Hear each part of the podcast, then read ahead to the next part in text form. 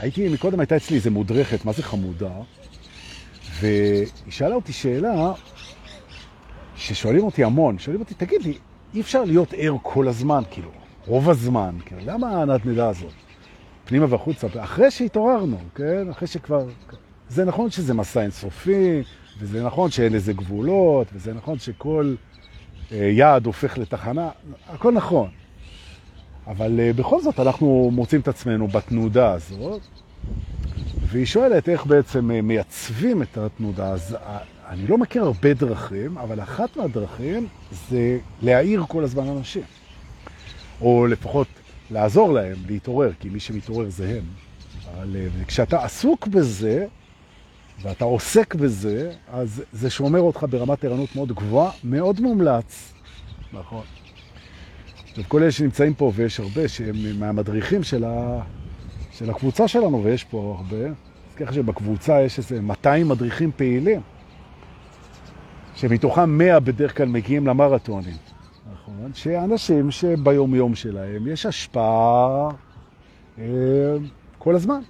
וזה שומר אותם מאוד מאוד ערים, זה מאוד כיף. אבל גם למי ששומר על ערנות ככה, כך, יש uh, צלילות אל השכחה ואל החשיכה, וזה תקין וטוב. וזה נכון. אז סיפרתי לה את זה.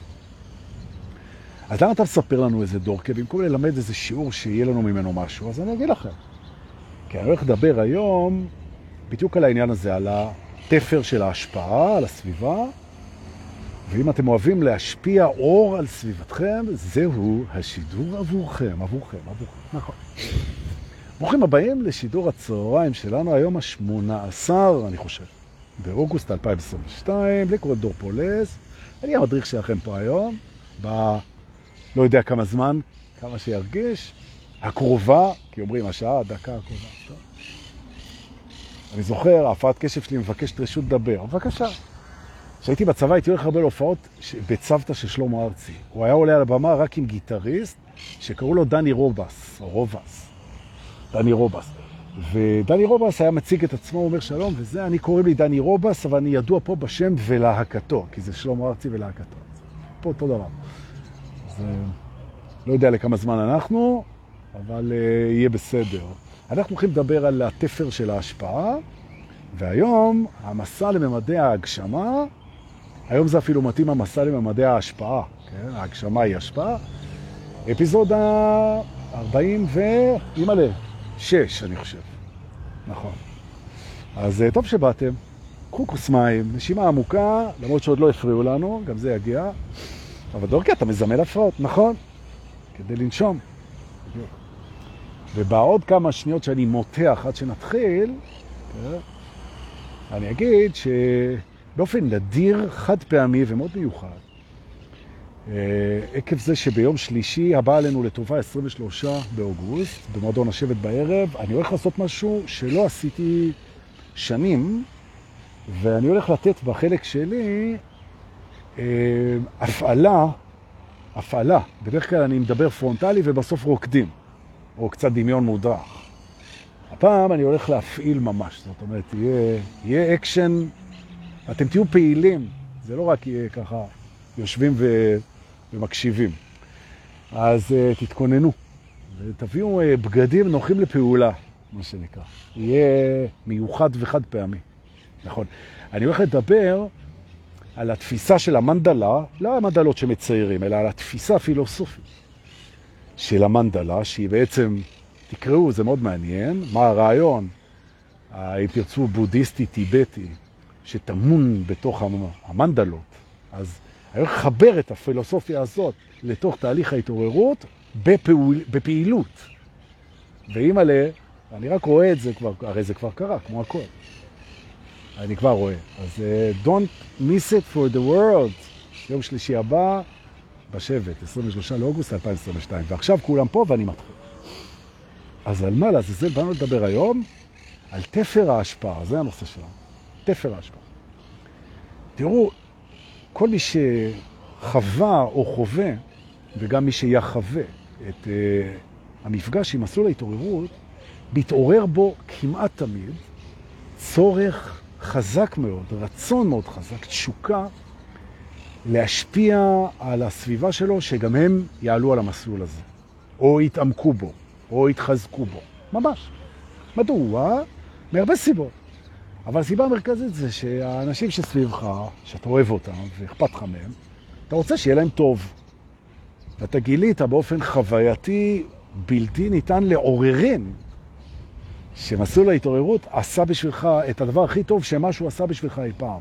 זה אין, זה אין, אין לזה מתחרה בכלל.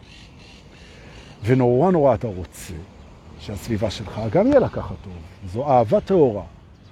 ולא רק זה, אלא אתה מגלה שכשאתה מוציא את זה ממך ואתה מעביר את זה, את האור הזה, את השביל הזה, שאתה משתף בזה, שהכל, אז זה מזכיר לך ואתה מתחזק בתדר או בחוויה של התדר.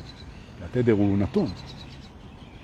זאת אומרת, יש לך שתי מוטיבציות, גם ההשפעה כי זה חשוב לך לעשות טוב, וגם כי זה נורא נורא כיף לעשות את זה. וכדרכם של מתחילים, אז uh, אתה מגזים. ואני הגזמתי במשך כמה שנים. ממש, הבנתי כבר באיזשהו שלב של הדרך שזה מה שאני רוצה לעשות בחיים. הרבה מכם חווים את אותה חוויה. אני מכיר אתכם, ממש. אתם מלווים אותי הרבה זמן ואני מלווה אתכם, וזה נורא כיף. אז אנחנו בחרנו בזה כחלק מהייעוד שלנו בינתיים, וזה נורא נורא כיף. ובהתחלה, אנחנו כמו פרה שרוצה להעניק יותר ממה שהעגל רוצה ליהנות. אנחנו רוצים להשפיע בכל מקום, בכל מצב, כמה שיותר. ואנחנו פושי. ואם הרצון הזה עוד מתחבר לאישיות כמו שלי, שהיא אישיות פושרית במהות שלה, כאילו. נכון, ויש אנשים כאלה שהם כאילו אסרטיביים. אז זה יוצר מפגע. ממש. כן, ואני ממש זוכר שבשנים הראשונות של ההתעוררות, אני ניג'סתי עם הדבר הזה לכל מי שנקלע לאזור, והתחלתי עם המעגל הכי קרוב של החברים ושל המשפחה, ועכשיו אני אדבר מאוד בזהירות, וזה לא זכה לאהדה רבה מדי. היה מספיק אה, טוב? אתם הרי יודעים על מה אני מדבר. וכמעט כל מי שמתעורר חווה את זה שהוא בא, מתלהב כזה לחברים שלו, לחברה שלו, לסביבה שלו, לזה, והוא אומר להם, תראו, וזה, ונכון, ואפשר לשנות פרספקטיבות, והסליחה היא בשביל הסולח, ו... ויש רק עכשיו, והמחשבות הן ככה וזה, ואין אמת בזה. והסביבה, לא רק שהיא פחות שותפה אה, לחוויה, היא בהתחלה מודאגת שהבן אדם הוא חוזר בתשובה, איבד את שפיותו, השתגע ברמה כזו או אחרת, חרפן, התפלפ, לוקח יותר מדי סמים, נמצא בקטות, אתם מכירים את זה.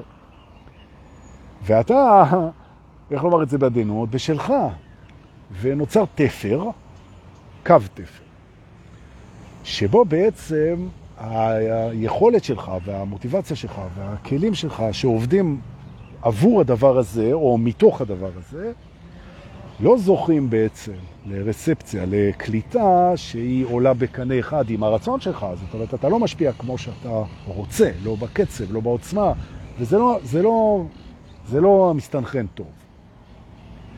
ותאמינו לי, את השיעור הזה אתם לומדים באמת ממישהו שטעה בזה בכמויות מטורפות. אני אפילו לא פגשתי מישהו שדחף את זה יותר מדי ולא נכון ולא מדויק כמוני. אני באמת השיאן של הטעויות בנושא הזה, וכדרכן של טעויות, אתה לומד מהם הכל. אז מה שאני מלמד אתכם עכשיו, נלמד בטעויות שלי. אז תודה על הטעויות שלי ושלכם, ותודה על החומר הלימודי, והנה הוא כאן לפניכם. אני מתחיל עכשיו. התובנה הראשונה היא ההכרה וזה קשה לאגו הרוחני, האגו החדש, זה קשה. ההכרה שזה יקרה איתך או בלעדיך. זאת אומרת, האגו הרוחני יש לו מה שאני אוהב לקרוא The Mighty Mouse Effect.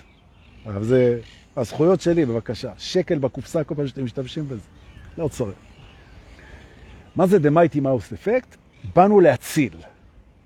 עכשיו, לא כולם בעניין הזה, אבל יש הרבה אנשים, אני פוגש הרבה אנשים ששותפים לכיף הזה, שאתה מגיע למישהו שהוא סובל, ואתה בעזרת הכלים שרכשת והתפתחת והבנת ולמדת ועברת, אתה מציל אותו מעצמו. הצלת נפשות. אוי, איזה יופי. וזה זוכה, לפעמים, זה גם זוכה ל... לאישרור, זה זוכה לקרדיט, לפידבק. אנשים אומרים לך לפעמים, בואי, אתה הצלת אותי, נכון? מה שאומר שאתה אתה יודע שזה יכול לקרות. ואכן, נכון, ההתעוררות יכולה להציל את החיים שלך מסבל, מפחד, מלחץ, מתסכול, מפספוס. ממש, מהתנהלות על ידי הפחד, ואתה יודע את זה. והנה אתה רואה את החבר הכי טוב שלך שקוע בתוך הדימוי שלו, הזהות שלו, הפחדים שלו, מסתובב ב... בין אה, טיפולים תרופתיים לפסיכולוגים, הכל, ואתה אומר לו, בוא, אני, אני הייתי שם, בוא אני אראה לך, כאילו, בוא תראה כמה זה פשוט, יש רק עכשיו, בוא נראה, אתה זה מי שאתה תמיד, וכך, קצת אמון, כי רוצים, אתה מתחיל. לא. ובתפר הזה אתה פוגש, בעצם, אתה פוגש כמה אלמנטים שהם אה, לא פשוטים. שעומדים מולך, מול המוטיבציה הזאת שלך להירפא, ללמד, לפתח, אתה, אתה פוגש את זה. וזה מתחיל בזה שכמו שאתה מכיר את זה, שאגו בסיסי, שהוא עוד לא התקדם אל תוך האור, מה שאנחנו קוראים. האגו, אותו אגו, הוא חווה... רגע, התלבשה עליי פה איזה משפחה, שנייה אז אני אנשום. ואני אתן להם לחלוף. ממש יפה. ממש נעמדו פה, משפחה של תיירים חמודים כאלה. והנה אתה אומר לאותו בן אדם בתפר, אתה אומר, מה שמפריע לך, שילמד אותך לנשום. הוא אומר, תפסיק, אתה מפריע לי, לא רוצה לנשום. האגו, כשהוא מזהה, ותדעו, האגו יש לו mind, יש לו שכל. והשכל מזהה גם בצורה לא מודעת. הוא מזהה מפגש עם אמת. הוא מזהה מפגש עם אמת, והמפגש עם אמת הוא נורא, נורא מלחיץ את ה-mind בשלב הפרה... הפרדיספוזיציה, ההתחלתי, לפני שההתחלה התחילה, של ה-mind. הוא נורא נורא מפחד מהאמת. מדוע? כי אי אפשר לחשוב את האמת. כי חשיבה היא תהליך של השוואה, ולאמת אין הופכי. מה שלא אמיתי לא קיים. זאת אומרת שמה שאפשר לחשוב אותו, למשל סתם, אתה חושב מכונית. מכונית, אז מכונית, מה ההופכי שלה? ההופכי שלה אין מכונית. אז אתה יכול לחשוב אותה, יש מכונית ויש אין מכונית. רגע אחד היא ישנה, רגע אחד היא אחרת, אז אפשר לחשוב את זה, נכון? אז אתה בא ואתה אומר, מכונית, לפי האמת, לא קיימת. כי אם היא הייתה קיימת, לא היה מצב של אין מכונית. עכשיו, העבר, כן? אתה יכול לחשוב אותו ואתה יכול לא לחשוב אותו, הוא, אתה יכול להיזכר בו ואתה יכול להיזכר בו, הוא לא באמת קיים. אה? ה mind אומר, אז אם זה ככה, אני לא יודע מי אני, זה נורא מפחיד. וכשאתה מנסה להתחיל להשפיע על בן אדם שהוא עוד לא בתוך הסיפור הזה, זה מפחיד אותו דבר ראשון. זה מאיים עליו, כי הוא לא יכול לחשוב את זה. ובאמת מה שקורה בהתעוררות זה זה שאנחנו מוותרים רגע על הרעיון של לחשוב את המציאות, ואנחנו בעצם עוברים למצב של להיות המציאות. זה human being, נכון? לא human think. human being, אנחנו עוברים, כן? מחוויה להוויה, נכון? מלחשוב ללהיות, נכון? והמעבר הזה, גם מבחינת התדר וגם מבחינת הרעיונות שמובילים אליו, הוא דבר שמפחיד מאוד את ה mind, שבעצם אחוז במה שהוא מכיר, והוא רגיל לחשוב כל דבר, ואם הוא לא יודע לחשוב או לחוות משהו, אז מבחינתו זה לא קיים. ותסתכלו על הרבה מאוד שנים שבהם המדע הוא שלל לגמרי. המדע האמפירי, הרפואה, הטכנולוגיות, הכל, זה שלל לגמרי הימצאות של דברים שהיום התבררו שקיימים. כשלפני הרבה מאוד שנים אנשים אמרו שיש דבר כזה כמו נגיפים, אז אה, התייחסו אליהם כמשוגעים, הרי אם היו נגיפים, היו רואים אותם. אז למה לא ראו אותם? כי עוד לא הייתה הטכנולוגיה. נכון? עכשיו, אנשים שאמרו לפני מאות שנים שאפשר לדבר עם מישהו שנמצא בצד השני של העולם, או אם תלכו למצב שלא חשבו שיש צד שני לעולם, שחשבו שהעולם שטוח, ואנשים שאמרו שהעולם הוא עגול, כן? שהוא לא כמו שחושבים אותו, אז אה, חשבו שהם שוגעים במקרה טוב. ואז הגיעה טכנולוגיה שגילתה שבעצם הכדור שלנו, אפשר לחשוב אותו עגול. נכון? זאת אומרת, בעצם אנחנו רואים שכדי שאנשים יסכימו להיפתח למשהו, הם רוצים להיות מסוגלים לפגוש אותו, לחוות אותו, לחשוב אותו, אחרת זה... וכאן התפר, שהרעיונות הרוחניים הם מעניינים את האגו ואת המים. ופה, אגב, הפתח. זאת אומרת, אם אנחנו רוצים להשפיע על בן אדם שהוא עוד לא התחיל את המסלול, אחת מהדרכים היותר רגישות, שזה לא התחום שלי אגב, ועד... ועדינות, והוגנות, ורקות, לגשת זה לעניין את המים ולחשוב על רעיון רוחני. ומאחר שהוא סקרן, אז הוא יכול לבלוע את הדבר הזה, ואתה זורק לו איזה, מה שנקרא, אתה זורק לו איזה כדור קל כזה, שהוא יוכל לתפוס אותו בקלות, איזה רעיון כזה, נכון? כמו למשל, כן? אתה אומר לו בעצם, אה, מהיכן באות המחשבות? בוא נחשוב רגע. עכשיו, אם הוא חושב על זה, אז הוא מבין שהוא לא יכול למצוא את זה במחשבה. הוא לא יכול לחשוב מאיפה מגיעות המחשבות, כי כל מחשבה שתגיד מאיפה באה המחשבה, היא באה מהמקום הזה, אז בעצם אתה לא יכול. שאתה נעול בתוך הדבר הזה, שבעצם בשביל להתייחס למחשבות בצורה שהיא לא לחשוב אותן, צריך לא להיות מחשבה. אבל זה אתה יודע, הוא לא יודע את זה, אתה אומר לו, תגיד לי, יש לי שאלה בשבילך, תגיד, לדעתך, לתפיסתך, לפילוסופיה שלך, ל... מאיפה מגיעות המחשבות? נכון? זה מעניין, כאילו. בעצם רעיון תמים, או למשל, כן, מי אתה עכשיו? אז הוא אומר, זאת אומרת, מי אני? אני דור פולס. הוא אומר, לא, אתה, אתה לא דור פולס. אם, אם עכשיו ישנו לך את השם, אם אתה תכיר איזה מישהי פה בפארק ותשאל איך קוראים לך, ואתה תגיד, קוראים לי ג'ימי סטיוארט. אז מבחינתה אתה ג'ימי סטיוארט, אתה לא דור פולס ועדיין אתה אותו אחד. נכון? שאלות כאלה, שהן שאלות קיומיות, שאלות פילוסופיות, הן מאפשרות לבן אדם להתקרב למדרגה הראשונה בהתעוררות, שהיא הספק. עכשיו, אנחנו באים כבר ממקום שאנחנו או נמצאים באמונה בכלל, מי שנמצא באמונה זה בכלל איזה כיף לו, כי אמונה לא דורשת הוכחה. אז זה קיצור דרך, איזה יופי לאמת. אני מאמין וזהו. מי שמאמין לא מפחד, גמרנו. אבל אה, אני, שאני עובד דווקא לא על האמונה, ואני לא אומר לאנשים תאמינו, אני חושב שדווקא אפשר להבין, לא חייבים להאמין, אפשר להבין בעצם שאנחנו לא מבינים שום דבר. את זה אתה יכול להבין. בעצם אתה אומר לבן אדם, כשאתה רוצה להשפיע אותו, אתה לא יכול לבוא ולהגיד לו, תראה, זה ככה, תראה איזה כיף יהיה לך אם אתה לא תשפוט. הרי כדי לשפוט, צריך לדעת הכל, כדי שהשיפוט שלך יהיה נכון. אתה צריך לדעת הכל, ואתה לא יודע הכל. אז למה אתה שופט את עצמך ואחרים? נכון? ואז הבן אדם בעצם, הוא אומר, רגע, אבל אם אני לא אשפוט בעצם, אז כל השיפוטים העצמיים שלי הם לא בתוקף, ואז מי אני? והוא מאבד את הזהות וזה מפחיד אותו, והוא לא מוכן ללכת איתך. ולכן בעצם אנחנו צריכים להבין שקו התפר שלנו בהשפעה הוא חייב להיות מאוד מאוד עדין, מאוד מאוד עדין, וכדאי לשאוף לרמה שהבן אדם יתחיל להטיל ספק קל בתפיסה שלו. נכון? ושאלות עדינות, שבעצם לא מקסחות את הבן אדם ולא מכריחות אותו לנוע, פשוט אתה יכול לדבר על עצמך. ממש.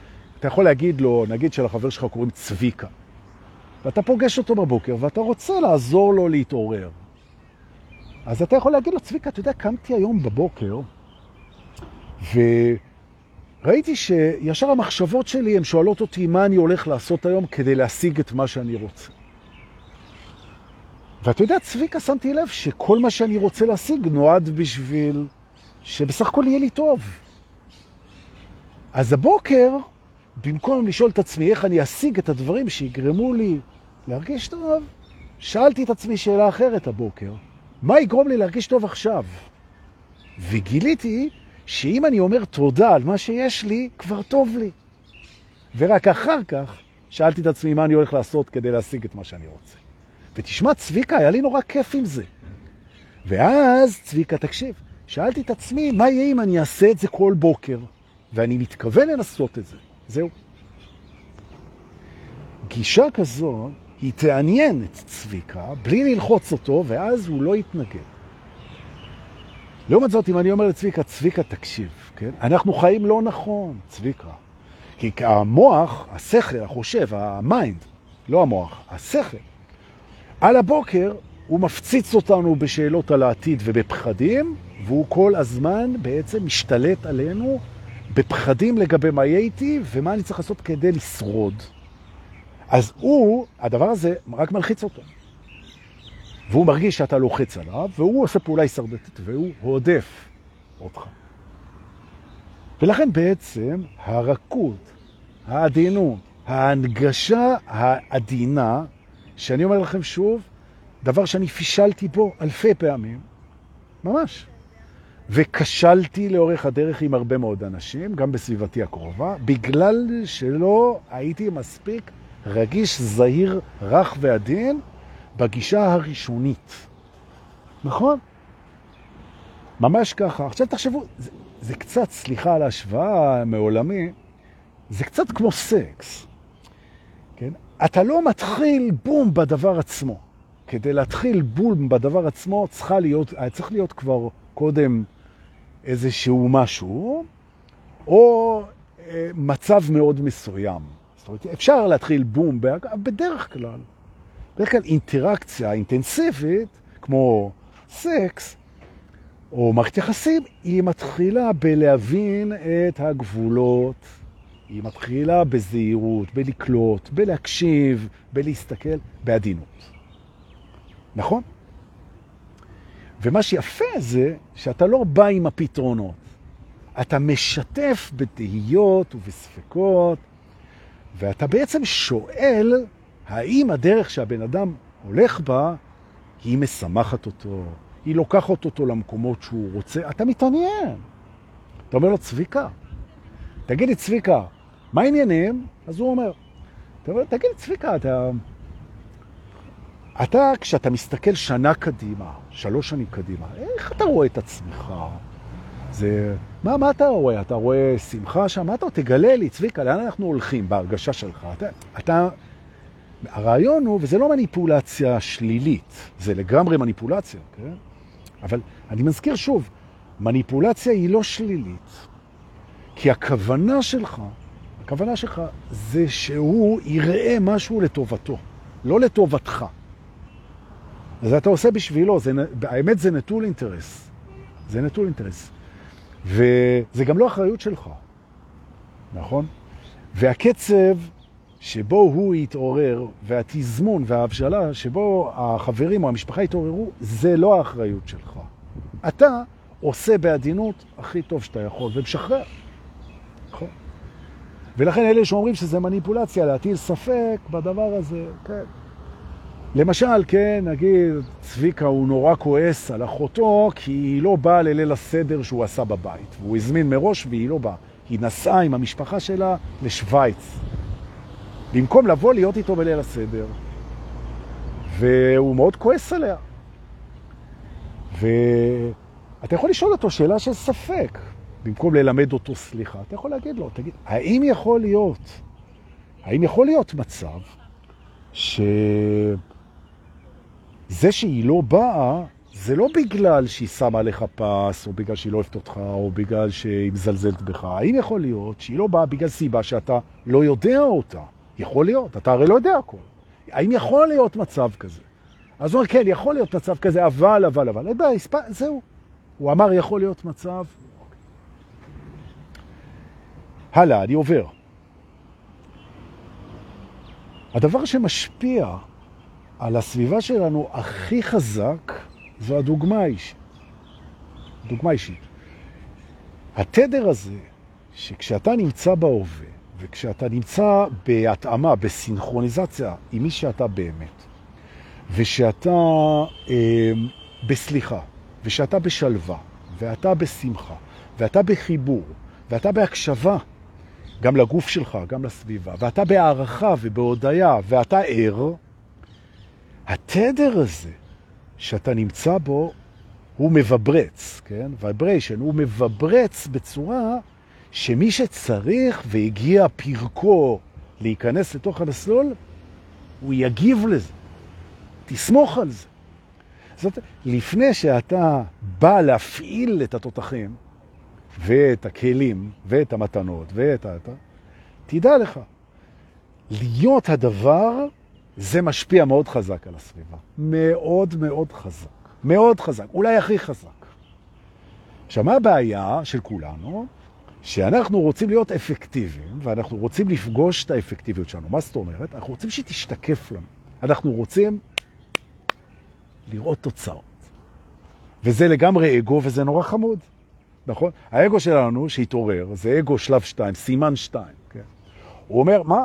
אני רוצה, לש... אני רוצה לשמוע שהוא אומר לי שחייו יותר טובים, שהוא סלח, שהוא בהווה, שהוא אה, לקח אחריות על המצב שלו, נכון? שהוא מבין שמה שהוא צריך תמיד היה ויהיה לו, נכון? שחוסר זו אשליה. אני רוצה לשמוע את זה, אני רוצה לראות שהשפעתי. וזה בסדר, זה אגו חמוד שרוצה לראות שהוא עשה טוב, זה, זה מקסים. הבעיה היא, ויש פה בעיה, שזה מוביל אותנו למצב שאנחנו מייצרים התנגדות בצד השני.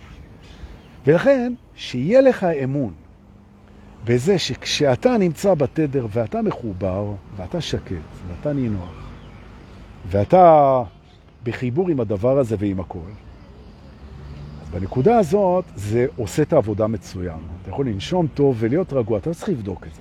זה עושה את זה, והשאלות והתנועות והאפשרויות והכלים והתזוזות והחיבורים והשיעורים יבואו בקצב אורגני הרמוני. אבל דורקה, גם אתמול בשידור אמרת אורגני הרמוני. מה זה אורגני הרמוני? אני אסביר, אבל לא עכשיו.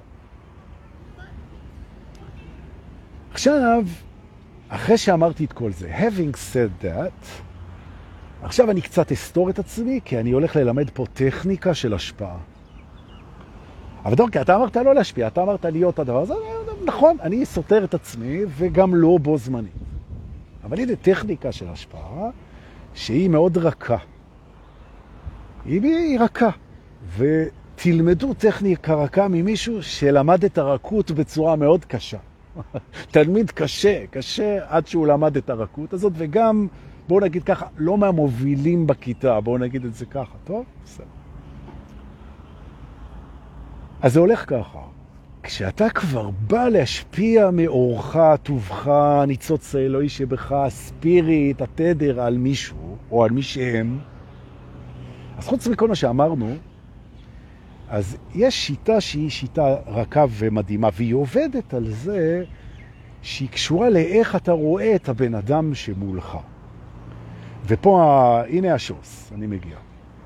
אני מבקש שכשאתם כן משפיעים במודע, כי כשזה לא במודע אז הדברים האלה לא יעילים, אבל כשאתם כבר החלטתם כן לעשות פעולה מעבר ללהיות הדבר עצמו, כדאי מאוד שכשאתם מסתכלים על הבן אדם, אתם תראו בו גם את מה שאתם רואים בו, שזה את הצורה שלו, את הבעיות שלו, את הצורות שלו, את ה... את החשיבה שלו, את ההתנגדויות שלו, את הזיכרון שלו, את הבעיות שלו, את כל מה שהוא מספר, את הכל. בעצם, כל מה שהוא מספר, מראה, מנחיח מבחינת תדר, קיים גם בנו, אחרת לא היינו פוגשים את זה בכלל. זה הרי משתקף. כן? אז את זה אנחנו רואים, כי זה מה שהוא מראה לנו. ואם אתם מדריכים, מטפלים, מורים, אז אתם פוגשים את זה כל הזמן, כי בן אדם בא ומספר את הבעיה, את הצרה, את הלחץ, את, ה... את העניין. שבעצם למנוסי השמיעה וההקשבה, הוא מספר לכם איפה הוא נפרד מעצמו.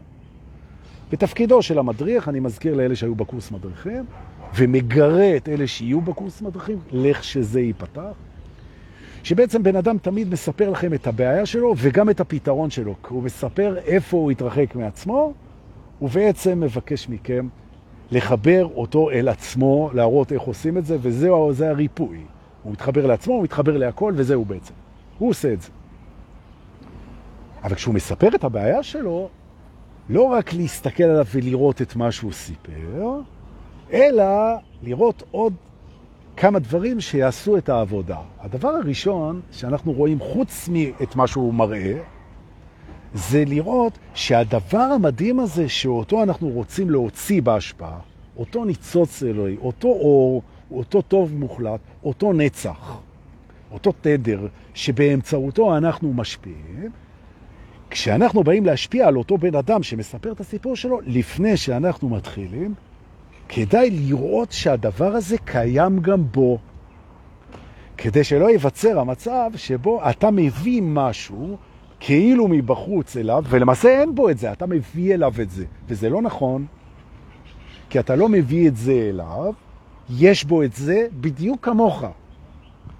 ולכן בעצם, בעצם מאוד חשוב שכשאתה מסביר לו, מראה לו, מוכיח לו, אה, נמצא איתו, אה, אה, עוזר לו, מאיר לו, שאתה תראה כל הזמן שמה שיש בך, שבאמצעות זה אתה עובד, זה קיים גם בו. ותתקשר בהשפעה שלך גם עם ה mind שלו, עם הזיכרון שלו, עם הרצון שלו, עם השכל שלו, עם המצב שלו, עם החשיבה שלו, באמצעות מה שאתה עושה, וגם תתדלק ותטפח ותתייחס לנקודה האלוהית הזאת שנמצאת בו בדיוק כמוך. ותראה במהלך ה section, במהלך הסשן, במהלך ה interaction, תראה איך ששני הדברים האלה, גם ה mind המתעורר שלו מצד האגו, וגם הנקודה הזאת של הלב שנמצאת שם, איך הן מוזנות באמצעותך, פרק א', פרק ב', תראה שהוא כמו שהוא נמצא גם בתוכך. ובזמן שאתה עושה את האינטראקציה, אתה מרגיש אותו בתוכך על שתי הנקודות שלו עולה ופורח ומתקדם ומתעורר גם בתוכך. זאת אומרת, האינטראקציה נהיית מושלמת. שתי הנקודות מתעוררות אצלו, ושתי הנקודות, אחת שהיא אתה ואחת שהיא הוא, מתעוררות בך. זאת אומרת, יש פה עכשיו איזושהי אינטראקציה הרמונית אורגנית, כן? שבעצם מה שער בך גם ער בו בעקבות מה שאתה עושה, ואתה מוצא את זה גם אצלך וגם אצלו. ואתה הרי יודע בדיוק כמוני, אם אתה ער, שאין עולם בחוץ, וזו גם הסיבה שהפונופונו מצליח לרפא ממרחקים מחלקות שלמות, כי הוא פשוט מוצא אותם בתוכו, ואז הריפוי הוא ריפוי פנימי, ובפנימיות אתה יכול להשפיע וואו. ולכן מרפאים למיניהם, מטפלים ומדריכים, הם הולכים ונהיים יותר ויותר אפקטיביים כשהם מבינים שמה שהם עושים נערך ברובו, בתוכם. ולכן כל פעם שאני יושב עם מישהו בסשן, אני אומר לו, תספר לי מה שאתה רוצה, אבל אני רוצה להגיד לך, ומי שהיה אצלי, ויש פה הרבה שהיו אצלי והם מכירים את זה, אני אומר לו, תספר לי, אבל שלרגע לא נבין שהסיפור שלך מעניין אותי. הסיפור שלך לא מעניין אותי וכדאי גם שלא יעניין אותך. אתה מספר לי את זה, כי בזמן שאתה מספר לי את זה, אני מוצא אותך בתוכי. וברגע שאני מוצא אותך בתוכי, אז אני יכול להשפיע עכשיו, ההשפעה היא הדדית. לא רק שאני משפיע, גם אתה משפיע, ואנחנו עושים איחוד והשוואת תדר וזרימה וריפוי והללויה. וכל הדבר הזה זה עניין של מיומנות, וזה אפקטיבי בכאלה רמות שמי שעוסק בזה מכיר, ומי שלא, אז עוד יכיר. הללויה. אני מסכם. כשאנחנו מגיעים לתפר ההשפעה, להיזהר לא לעשות את הטעויות שדורקי עשה ולא לבוא חזק מדי, להתבונן ולהקשיב איפה הבן אדם נמצא, לתת לו להתבטא, לשאול אותו שאלות שיעניינו אותו להתעסק בו, להטיל ספק פנימי במחשבות שלך, אולי הוא יעתיק את זה, אולי. להיות רגועים ועדינים וסבלניים, ולא לחכות לפידבקים ולהשתקפות של הצלחה, להתמקד ברטט שלך, להיות איתך ממש מחובר, ולתת לו להצטרף לרטיטה, גם אם אתה לא מרגיש את זה, זה קורה. אחרי שהתמחנו בדבר הזה ברמה מסוימת שמרגישה לנו נכון, אנחנו מתחילים למצוא אותו על שלל נקודותיו בתוכנו, ואותנו בתוכו, ולעשות את החיבורים נכון? שלא תהיה נפרדות. בינינו לבינו בזמן ההשפעה, ובסופו של יום אנחנו רוטטים ביחד. Once הוא רטט איתך ביחד, הדרך כבר קורית, זהו, זה הנעת את התהליך. עכשיו כבר, זה כבר, זה כבר יצא לדרך, והללויה. זה מדהים. ואפשר לעשות את זה מרחוק, אפשר לעשות את זה בכל מיני ספרות, ואנחנו עוד נדבר על זה הרבה, אבל לא כאן ולא עכשיו. היום יום חמישי, 18 באוגוסט 2022, מתחיל הסוף שבוע. אם יש איזו מסיבת חברים טובה, אז לא לשכוח להזמין אותי בבקשה, כי אני מחפש. נכון? משהו שמתחיל בלילה, אבל כדי שאפשר יהיה לבוא לפנות בוקר ולהסתלק בצהריים. כי חם! אני פונה ללב שלכם.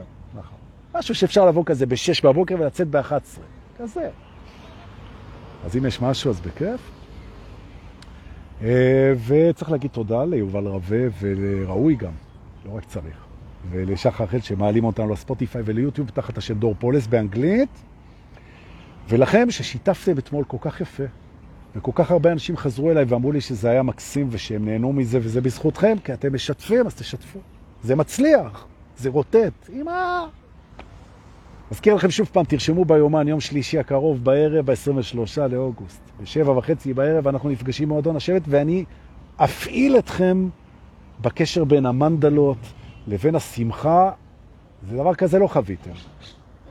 מילה של דורקה. טוב, עכשיו תפסיק לעוף על עצמך, צריך לאכול משהו. חלס. צריך, נכון? חיבוקים ונשיקות. להתראות, תודה שבאתם.